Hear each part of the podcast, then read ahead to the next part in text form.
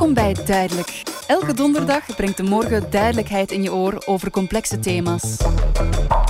Hey, ik ben Bram en net zoals jij probeer ik op de hoogte te blijven van wat er in de wereld gebeurt. Als je alles moet geloven wat er gezegd en geschreven wordt, dan is er best veel miserie in de wereld. Maar deze week toch ook wel echt goed nieuws. De legendarische televisieserie Friends komt na 17 jaar na de laatste aflevering met een reuniespecial. The one where they get back together. Een aflevering waarin de acteurs terugblikken op een van de meest impactvolle televisieseries ooit gemaakt. In totaal goed voor 10 eh, seizoenen en 236 afleveringen.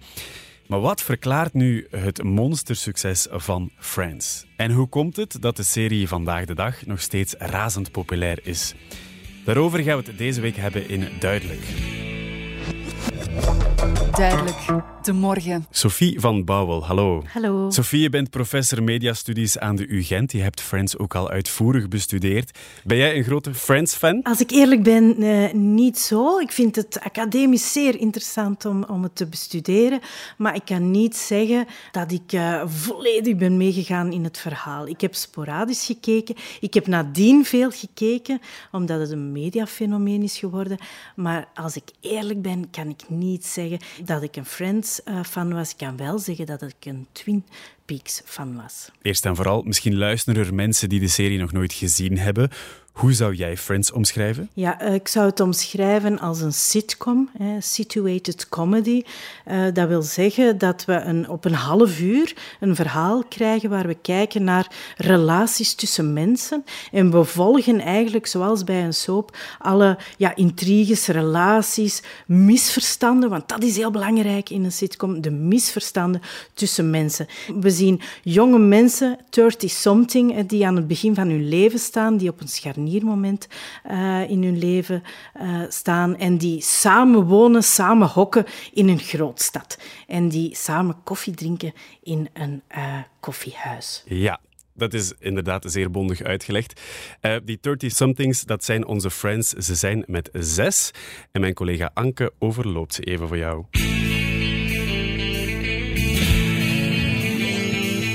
In de serie Friends volgen we zes personages tussen de 20 en 30 jaar.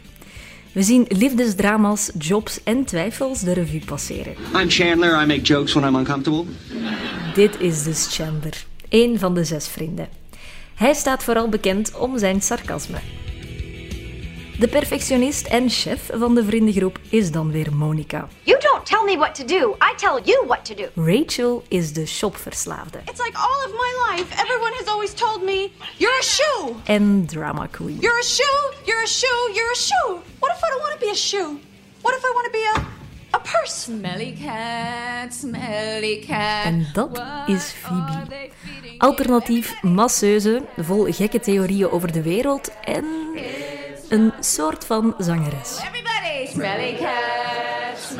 Dan is er ook Joey. Hij gaat de hele serie op zoek naar zijn glansrol als acteur. En naar vrouwen voor één nacht. Hey, how you doing? Tot slot is er Ross. Paleontoloog, romantische twijfelaar en comediant. You, you, you, you threw my sandwich away. My sandwich, my Zet deze personages samen in een gezellige paarse flat in New York en je krijgt Friends. Alle zes Friends in een notendop. Sophie, heb jij een favorietje? oh, Phoebe, denk ik. Ja, waarom? omdat zij de zotste is van de hoop, omdat zij de grenzen opzoekt, meer dan de andere personages. Ja, oké. Los van de personages, uh, wat zijn de thema's die het vaakst terugkeren doorheen Friends? Het gaat eigenlijk over wie ben ik, wie wil ik zijn. Het zijn mensen die op een scharniermoment in hun leven zijn, die twijfels hebben, die onzekerheden hebben. Wat willen we verder met ons leven? Leven. Ik denk dat dat toch wel het belangrijkste thema is. En dan gaat het over uh, ja, de job van je leven vinden, maar ook ja, de relatie, de liefde van je leven vinden. Ik denk dat dat toch wel de twee grote thema's zijn. Dat zijn thema's waar, waar uh, iedereen zowel mee bezig is rond die leeftijd. Um, maar op zich zijn het geen super unieke thema's. Er zijn nog wel series die daarover gaan. Wat maakt Friends dan zo uniek? Ja, het is absoluut uh, niet nieuw of, of uh, anders dan in heel veel andere sitcoms. Hè. Seksualiteit, relaties is vaak iets wat in sitcoms gebruikt wordt hè, als een hefboom om uh, ja, humor te genereren. Wat maakt het uniek? Dat het zeer herkenbaar is. Hè. Dat we heel veel twijfel zien. We zien zoekende mensen, we zien falende mensen, we zien frustraties. Uh, allemaal natuurlijk vanuit een, ja, vanuit een humoristische lens uh, bekeken. Maar die twijfel is, is denk ik zeer belangrijk. Hè. Wij herkennen ons in ja, het zoekende zijn van die personages. Ja, oké. Hoe, hoe, belangrijk is herkenbaarheid voor een kijker? Uh, het is toch wel belangrijk. Hè. Dus herkenbaarheid kan zijn hè, een herkenbaar, u, u, kunnen herkennen in een personage, maar je kan u ook herkennen in situaties, je kan u herkennen in standpunten, je kan u herkennen in, in identiteiten die, die je verbeeld ziet. Hè. Dus het gaat niet alleen over die één op één herkenning of kunnen identificeren met een personage. Dat is natuurlijk belangrijk. En je ziet daar een diversiteit aan personages. Voor een stuk, want allez, wees wel, het zijn witte, heteroseksuele, middenklasse ja. uh, personages hè, die we daar zien. Ja, dus ja, ja. in dat opzicht... We, maar we gaan daar straks nog een beetje verder op in. Waarom is Friends zo goed? Anke is het gaan vragen aan Lisa en Ellen uit Antwerpen. Samen met hun mama Lutgard misschien wel de grootste Friends-fans van ons land. Hoi, kom maar binnen, vijfde verdiep. Super, tot zo. Hey, hallo. Welkom. Merci. Wil ik mijn schoenen uitdoen dan? Ik zit hier nu bij een mama en twee dochters. Um, ja, wat betekent Friends voor jullie gezin? Wel veel, omdat veel van ons mopjes daarop gestoeld zijn. Dat, ja. dat staat wel voor gezelligheid, vind ik zo. We ja. eigenlijk, het avondeten was altijd in de zetel. En daar zaten we dan naar Friends te kijken. Ja, zit, is allemaal klaar in de zetel? Ja, Friends, zet Friends op. Dat was traditie. Ik en mijn zus kwamen thuis van school en maakten ons huiswerk. Dan kwam mijn mama thuis. Snel, snel, snel het eten maken. Ik weet, eigenlijk was er vrij veel bedrijvigheid. Ja, wie zet er het Friendsje op? Wie zet er de aflevering op? Ja, wie pakt er de borden? Ja, plankjes? Ja, dat was eigenlijk wel zo ons, ons ja. momentje. Eigenlijk zat er wel... Ja, ja dat zat er zo in zo'n beetje. Hè. En dan begon dat muziek te gaan, dan moesten we al te zingen. Dan. Ja, en dan was dat... Ja, kom, ja, kom. Ja, ja. Zo leuk. Ja, nostalgisch. Don't want told me that's just say. Ik denk dat dat ook gewoon heel relatable is of zo. En, en... Ja, ja, ja, die zijn allemaal... Dat zijn eigenlijk zes stereotypes bij elkaar gebracht. Want niemand is volgens mij zo in het echte leven. Maar dat werkt heel goed. Ik denk dat je van elk personage iets in jezelf herkent. I'll be there for you. Herinneren jullie jullie nog de eerste keer dat jullie een aflevering van Friends zagen? Ik denk de eerste keer dat ik een aflevering van Friends zag, was ik denk ik ja, 11, 12 of zo, of iets ouder. Dat was seizoen 8, dat was vooral met Ross en Rachel en de rond de bevalling. Nee, weet jij dat wel nog? De allereerste aflevering van, van seizoen 8 is de trouw van Monica en Chandler. Was dat de eerste die we hebben gezien? De bevalling van Rachel is begin seizoen 9. Zeg, zullen, zullen, we eens naar een aflevering kijken? Ja, hier gaan de struggles weer van vroeger.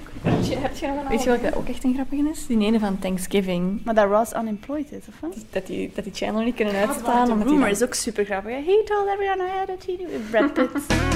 Ready? Yeah. Hi, it's Rachel and Phoebe's. Please leave. Leave. en die Ross zijn gezicht. Die hoge van. Doe nou, nou,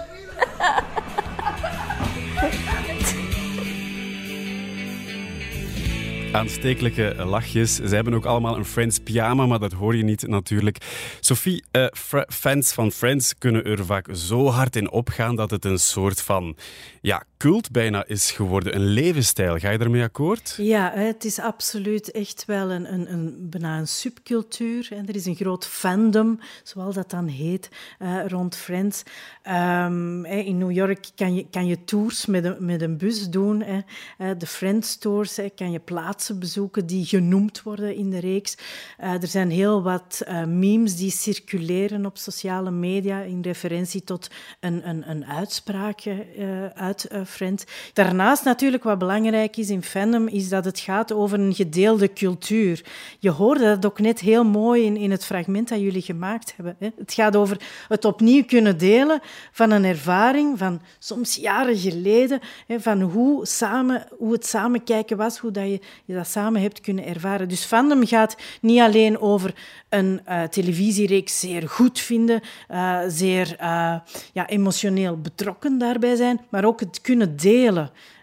Men, men, in de wetenschap heet dat de creatie van imagined community. Je hoort tot de Friends-fans. Dat is een gemeenschap, dat is een gedeelde cultuur. En dat is zeer belangrijk in het fandom rond Friends, die nu nog altijd gebruikt wordt, zoals we net gehoord hebben in de conversatie. Weet je nog toen Rachel dit zei, of, of toen er dit gebeurde, die uitspraak. Dus dat is ongelooflijk in Friends. Dat is een van de weinige televisiereeksen waar uh, naast uh, Star Trek zie je dat ook, hè, ook een heel sterke fandom, uitspraken hè, worden opnieuw uh, gearticuleerd, jaren later. Ja, oké. Inderdaad, die uitspraken die blijven, blijven bestaan. Lisa en Elle zeiden daarnet dat de basis van hun humor is gelegd door Friends. Uh, met quotes zoals uh, We were on a break en How you doing. in 2019 bracht Ralph Lauren een kledinglijn ook uit, geïnspireerd op het personage Rachel. IKEA heeft een Friends woonkamer uitgebracht. op 1 juni, dat is volgende week dinsdag, brengt Lego een set uit waarmee je het appartement van Rachel en Monica kunt nabouwen. In New York kun je tegenwoordig een nachtje op hotel gaan eh, in de nagebouwde set van Friends. Ik, ik snap dat fandom dat dat een ding is, maar Sophie, is dat iets wat u nogal bij televisieshows hebt gezien, of is dit toch wel redelijk uniek? Um, het is vrij uniek omdat het heel lang doorheen de tijd loopt. Hè. Dat er nu, uh, bij wijze van spreken, nog altijd mensen zijn hè, die uh, die t-shirt dragen, kopen.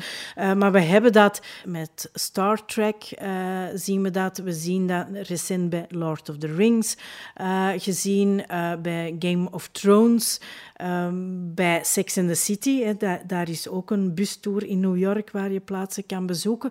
Alleen uh, denk ik dat daar uh, het fandom wat afgekalfd is. Dat wil zeggen dat we dat niet zien dat dat zoveel jaren mee wordt uh, genomen. En nu lijkt het wel, ja, die revival, omdat natuurlijk ja, het ja. succes van de reeks op, op, ja, voor de zoveelste keer opnieuw begint te circuleren in de wereld door Netflix, die ja, zeer succesvol kijkers en nieuwe kijkers aan zich bindt aan de reeks natuurlijk. Ja, absoluut.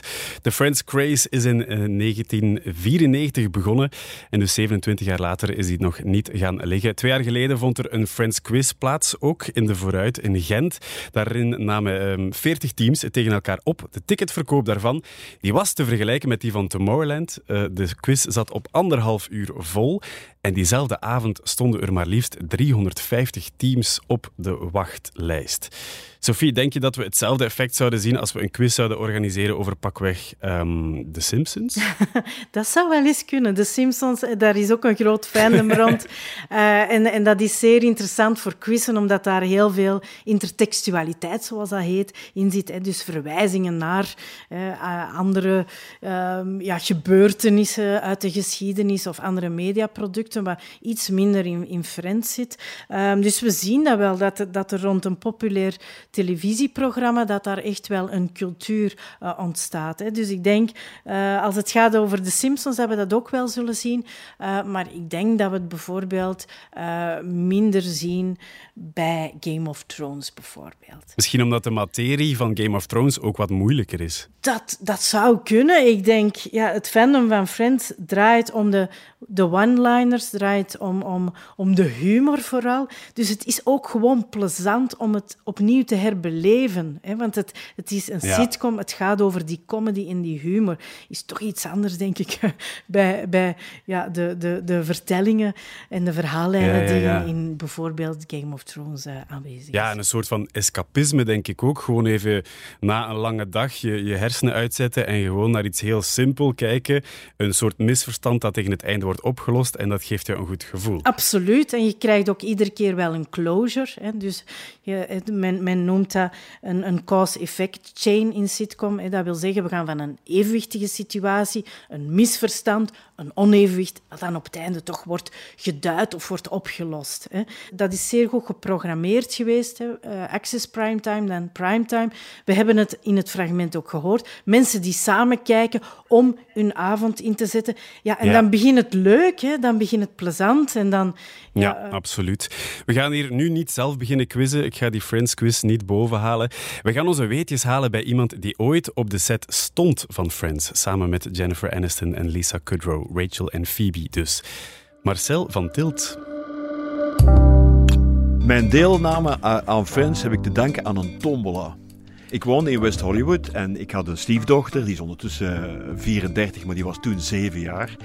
En die zat op dat schooltje, en dat is een schooltje midden in Hollywood. En die doen twee keer per jaar doen die een soort van eh, benefiet. En dan is er zo'n leuke avond en dan kan je daar allerlei dingen kopen.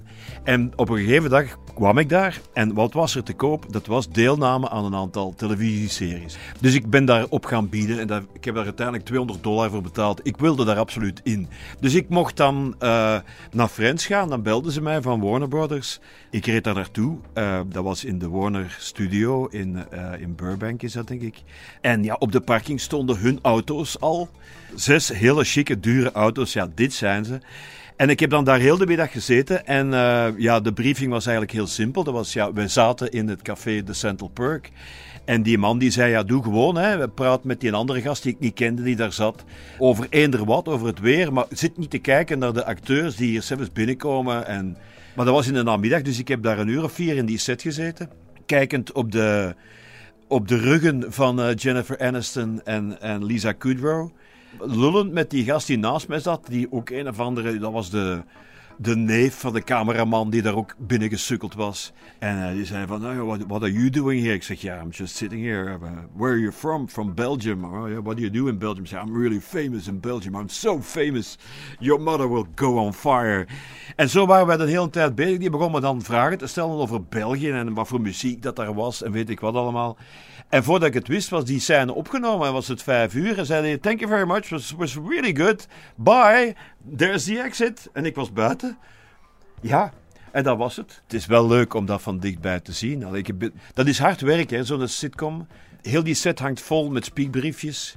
Want die doen 26 van die afleveringen op een jaar. Je kan dat niet van buiten blokken op zo'n korte tijd. Dus dat hangt overal vol. Alle kasten hangen vol. Alle koffiekopjes hangen. Overal teksten.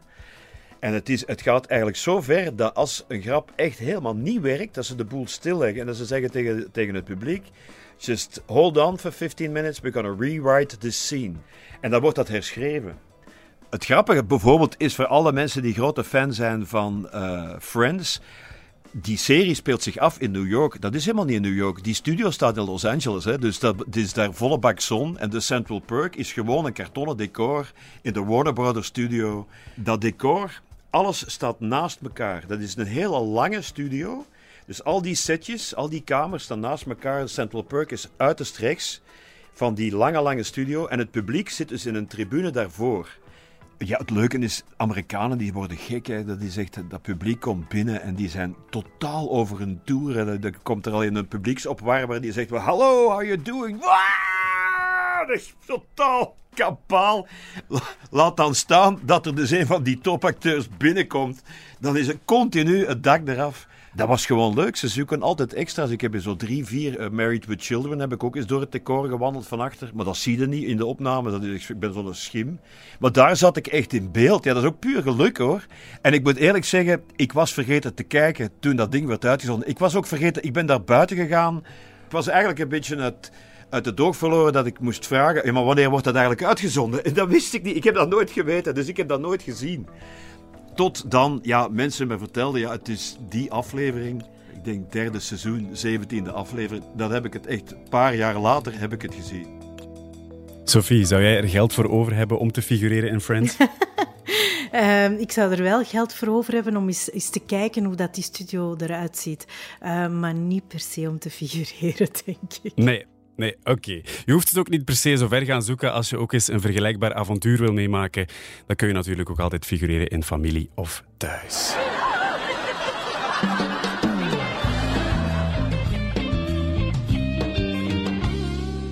De sleutel tot het succes is herkenbaarheid. Uh, dat zei je daarnet al. Als we kritisch naar de sitcom gaan kijken, echter, dan merken we dat het eigenlijk alles behalve herkenbaar is voor iedereen. Uh, Sophie, als je kijkt naar onze zes vrienden, tot welke groepen van de maatschappij behoren zij? Ja, het zijn um, middenklasse, witte, heteroseksuele, um, eerder hoogopgeleide uh, jonge mensen, hè, die toch ja, vrij succesvol zijn. Het feit dat ze op zich al kunnen wonen uh, in New York, uh, in het verhaal. Wat onbetaalbaar is. Ja, ja. absoluut. Hè. Daarom wonen ze natuurlijk, of hokken ze voor een deel natuurlijk ook samen. maar dan nog, hè, dan, en zeker. Hè. Dus we zien ja, toch, toch een, een zeer beperkte diversiteit tussen de personages, hè, um, qua seksuele voorkeur, maar ook ook als het gaat over uh, kleur, etnisch. Of, uh, dat is iets wat, denk ik, je, je vandaag de dag toch niet meer kan maken om uh, met zes eerder gelijkaardige personages naar voren te komen in een sitcom. En die, er is echt een vraag naar diversiteit door het publiek. Ja, maar dat was een andere tijd natuurlijk. Toen heel divers en heel woke was Friends niet. En daar zijn bewijzen van.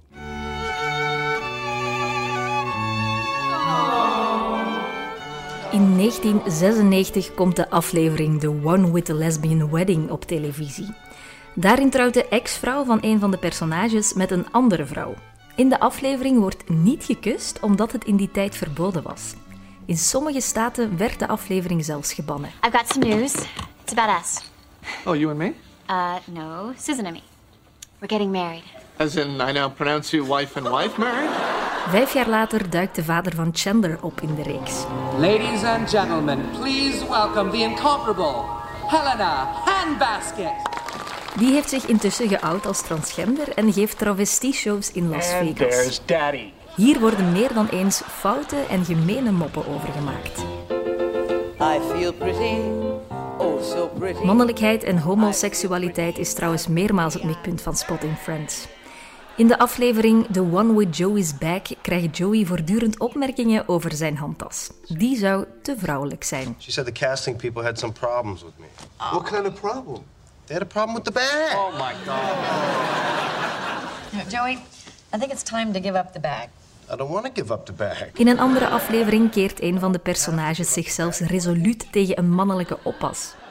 Did Rachel tell you we hired a male nanny? Yeah, I think that's great. Oh, really? Really? Guys do that? Thank you. Wat nu ook nooit meer zal kunnen, is een verhaallijn waarin Ross verliefd wordt op een 20-jarige leerling. Professor Geller, Yeah, well. I wanted to say how much I enjoyed your class. Oh, thank you.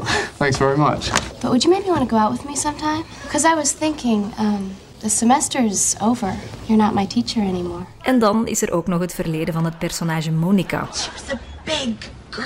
Zij was vroeger breder dan nu en daar wordt mee gelachen. Oh, oh, I'm sorry that I said you were a cow in high school. Oh, that's okay. I was a cow. Op een bepaald moment zie je hoe ze in een flashback heel wat dikker is en danst met donuts in haar handen. Problematisch, want haar personage heeft plots geen diepgang meer. Monica staat in die scènes alleen nog maar gelijk aan eten, eten en nog eens eten. This is me and the sound of music. You see the Von Trapp kids? No. That's because I'm in front of them. En tenslotte is er ook nog de volledig witte en heteroseksuele cast. En alsof dat nog niet genoeg is, zie je bijna nooit iemand van kleur in de reeks. Pas in seizoen 9 krijgt voor het eerst een actrice van kleur een sprekende rol. I'm Ross Geller. Oh, hi. I'm Professor Wheeler. Oh. Oh, that's that's that's nice. Sophie, als je dit hoort, dan lijkt Friends toch wel echt niet meer van deze tijd. Uh, nee, inderdaad. Hè. Als het gaat over um, een beeldvorming in relatie tot inclusie, tot het in beeld brengen van de diversiteit, is dat absoluut uh, niet het geval. Hè. Um, we moeten dat natuurlijk ook in, in de jaren negentig zien. Belangrijkheid die aan diversiteit door een groot publiek uh, werd gezien, eigenlijk op dat moment nog niet zo aan de orde was.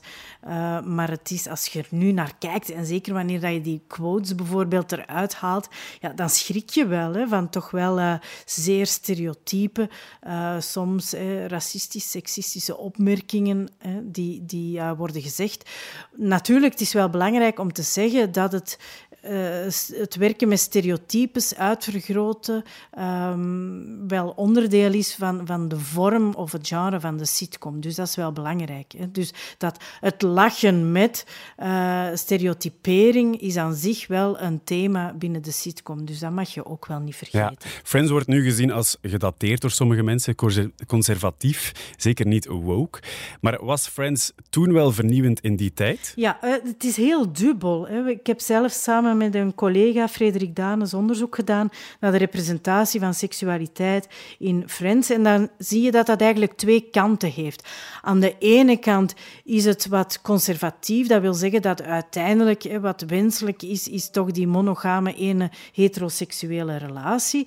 Aan de andere kant zien we dat er toch heel veel gesproken wordt. We zien niet veel. Er wordt veel gesproken over seksualiteit aan de hand van metaforen uh, bijvoorbeeld, waarbij toch ja, verschillende vormen van seksualiteit aan bod komen, uh, die, die toch wel op dat ogenblik voor de jaren negentig toch vrij uh, progressief waren. Dus het, het heeft twee kanten ja, eigenlijk. Oké, maar je merkt toch ook wel dat ze soms met bijvoorbeeld homoseksualiteit gaan lachen? Ja, absoluut wel. En dat is iets wat we vandaag de dag eigenlijk in dit soort van televisieformats niet meer zouden zien. Op dat, in Friends zien we dat wel. Er zijn, je hebt een aantal voorbeelden net uh, gegeven, waarbij echt wel um, ja, homoseksualiteit als afwijkend wordt gezien, als iets om mee te lachen. Er is ook wel kritiek op gegeven in de jaren negentig, maar zeker vandaag is dat iets wat we niet... Um, ja, eigenlijk niet, niet meer mogen of, of niet meer uh, zullen zien. Maar is het dan oké okay om een serie zoals Friends te blijven uitzenden, volgens jou? Ja, dat denk ik wel. Ik, de, ik denk, we moeten uh, het debat aangaan. We moeten, we moeten ons bewust zijn van uh, de beperking aan de beeldvorming. Dat wil zeggen hè, dat het een beperkte uh, beeldvorming is, dat, eigenlijk, uh, dat het niet inclusief is hè, als het gaat over de representatie van bepaalde um, identiteiten en de manier waarop het wordt gerepresenteerd. Maar ik denk dat het niet zinvol is, niet constructief om heel wat iconische televisieprogramma's die doorheen de jaren gemaakt zijn, die zeer succesvol waren, om die niet opnieuw uit te zenden. Maar je zou bijvoorbeeld wel met een disclaimer kunnen werken en zeggen van kijk, let op, de representaties die we hier zien zijn niet echt, eh, getuigen niet echt van een inclusieve gedachte bijvoorbeeld, zonder dat je gaat moeten knippen,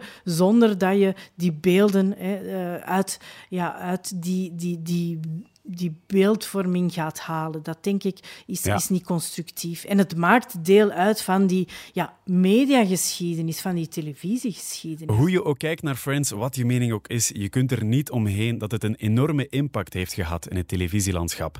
Dat vindt ook Raf Nutea, scenarist van onder andere de reeks Dertigers.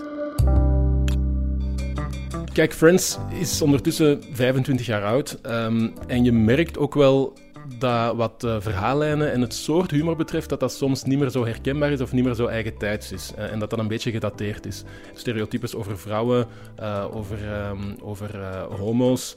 altijd als er um, Joey en Chandler bijvoorbeeld ook maar iets te lang knuffelden, dan waren ze er toch voor behoed om niet als gay weggezet te worden. Zo dat soort van grapjes, ja, dat, dat, dat op zich niet meer per se van deze tijd zijn. En dat is iets dat ik um, ja, dat ik eerder niet ga meenemen en toch hoop anders te willen doen. Maar wat dat grappig is, is dat dat dus geschreven is door, ik denk, drie mensen, waarvan één vrouw, één homo en één hetero man. Um, omdat je ja, die gedateerde humor, dat maakt duidelijk dat dat niet per se van de schrijver afhangt, uh, maar ook van de tijdsgeest waarin dat iets gemaakt wordt. Hè. En ik, het is wel een beetje mijn overtuiging dat je zo'n reeks ook moet moet zien in uh, de tijdsgeest waarin dat het gemaakt is. Waarmee dat ik zeker niet Friends of andere dingen die gemaakt zijn altijd wil vrijpleiten van enige verantwoordelijkheid uh, wat dat maatschappelijke thema's betreft. Maar ja, je kan zoiets niet loszien van, van, die, van die tijdsgeest. Ik weet niet of er dingen zijn waar dat ik nu aan werk die dan niet meer gaan werken. Ongetwijfeld, ongetwijfeld. Ik denk dat dat, allee, dat, dat, dat comes with the job. Um, de wereld verandert zo hard, uh, zeker op 25 jaar. En je moet ook dingen maken die nu werken. Uh, en die nu relevant zijn. En je kan daarbij wel, en ik denk dat iedereen dat ook zou moeten proberen, uh, om iets te maken dat toch misschien een klein beetje de, uh, het collectief bewustzijn van op het moment zelf iets gaat shiften in een bepaalde richting. Um, maar, maar heel veel kan, je, kan je daarin niet verwezenlijken, denk ik. En voor de rest denk ik, ja, Friends gaat mensen en generaties en schrijvers blijven inspireren, toch in de nabije toekomst nog. Uh, omdat het gewoon, uh, ja, het werkt. Het is echt grappig en ik moet nog altijd lachen, zelfs al weet ik welke mop dat er gaat komen. Sophie, volgens Raf blijft Friends inspireren. Heeft Friends volgens jou ook de televisiegeschiedenis veranderd? Uh, dat denk ik wel, zeker in relatie tot um, ja, het, de, het, maken van sitcoms, langlopende sitcoms. Denk ik wel uh, dat Friends heeft bewezen dat sitcoms die vaak ja, uh, werden gezet op access primetime, hè, dus vroeg in de avond, om ja, de gaten in de programmatie van lineaire televisie te vullen, die um, eigenlijk wordt, werd dat vaak daarvoor gemaakt. En we hebben gezien dat dat zeer succesvol is geweest, dat dat overal hè, gecirculeerd heeft in, in, in de wereld. Hè. Niet alleen in, in Noord-Amerika en Europa, maar dat dat echt gaan reizen is. Hè. Uh, er zijn ja, toch heel wat uh, fancultuur uh, of een fandom rond ontstaan. Dus ik denk... In, in, de geschiedenis van televisie is dat zeker een ankerpunt. Ook, wat we ook zien als we dan kijken naar het publiek, los van het fandom, het genot om samen te kijken naar televisieprogramma's is iets wat toch ook wel heel erg, uh, wat we ook heel erg gezien hebben in relatie tot Friends. Hè. En dan kom ik nog terug op de reportage die net hè, uh, hier ook gegeven is geweest. Het samen kijken, het samen genieten van een televisieprogramma, uh, zoals we dat zien bij soap, zoals dat we dat zien bij high-end quality fictie, zien we en zagen we dat ook bij Friends. Oké. Sophie, even samenvatten. Wat verklaart nu volgens jou het monstersucces van Friends? Ja, de herkenbaarheid. Hè. Dus, dus uh, het zoekende zijn, de twijfel, het kunnen falen, uh, de herkenbaarheid in die thema's. Niet zozeer de herkenbaarheid in de diversiteit van de personages, maar wel de herkenbaarheid in het zoekende zijn. Wie ben ik? Wie wil ik zijn? Uh, en het, ja, het, soms het falen daarin, het zoekende zijn. Ja. Ik denk dat dat toch wel het belangrijkste is. En hoe komt het dat de serie vandaag de dag nog steeds razend populair is? Opnieuw, hè, door die herkenbaarheid. En denk ook een stukje de verklaring is natuurlijk ook de nostalgie. Fantastisch. Sophie van Bouwel, professor mediastudies aan de Universiteit Gent. Dank je wel voor je uitleg. Graag gedaan. De reuniespecial van Friends komt uit op 27 mei via het Amerikaanse streamingplatform HBO Max. De acteurs zullen niet te zien zijn als hun personages, maar gewoon als zichzelf. En het wordt één lange trip down memory lane. Ze bezoeken de set, ze halen samen herinneringen op, herlezen nog eens delen van het script en ze zijn vastberaden om alle Friends-fans nog eens stevig te doen janken. Bij ons verschijnt de special op dinsdag 1 juni op Play 4 en vanaf dan vind je het ook terug op het Vlaamse streamingplatform Streams. Dit was duidelijk, hopelijk voor jou nu ook. Deze podcast werd gemaakt door Bram Vuilsteker en Anke van Meer. Luister elke donderdag gratis naar een nieuwe aflevering in de app van de morgen duidelijk de morgen.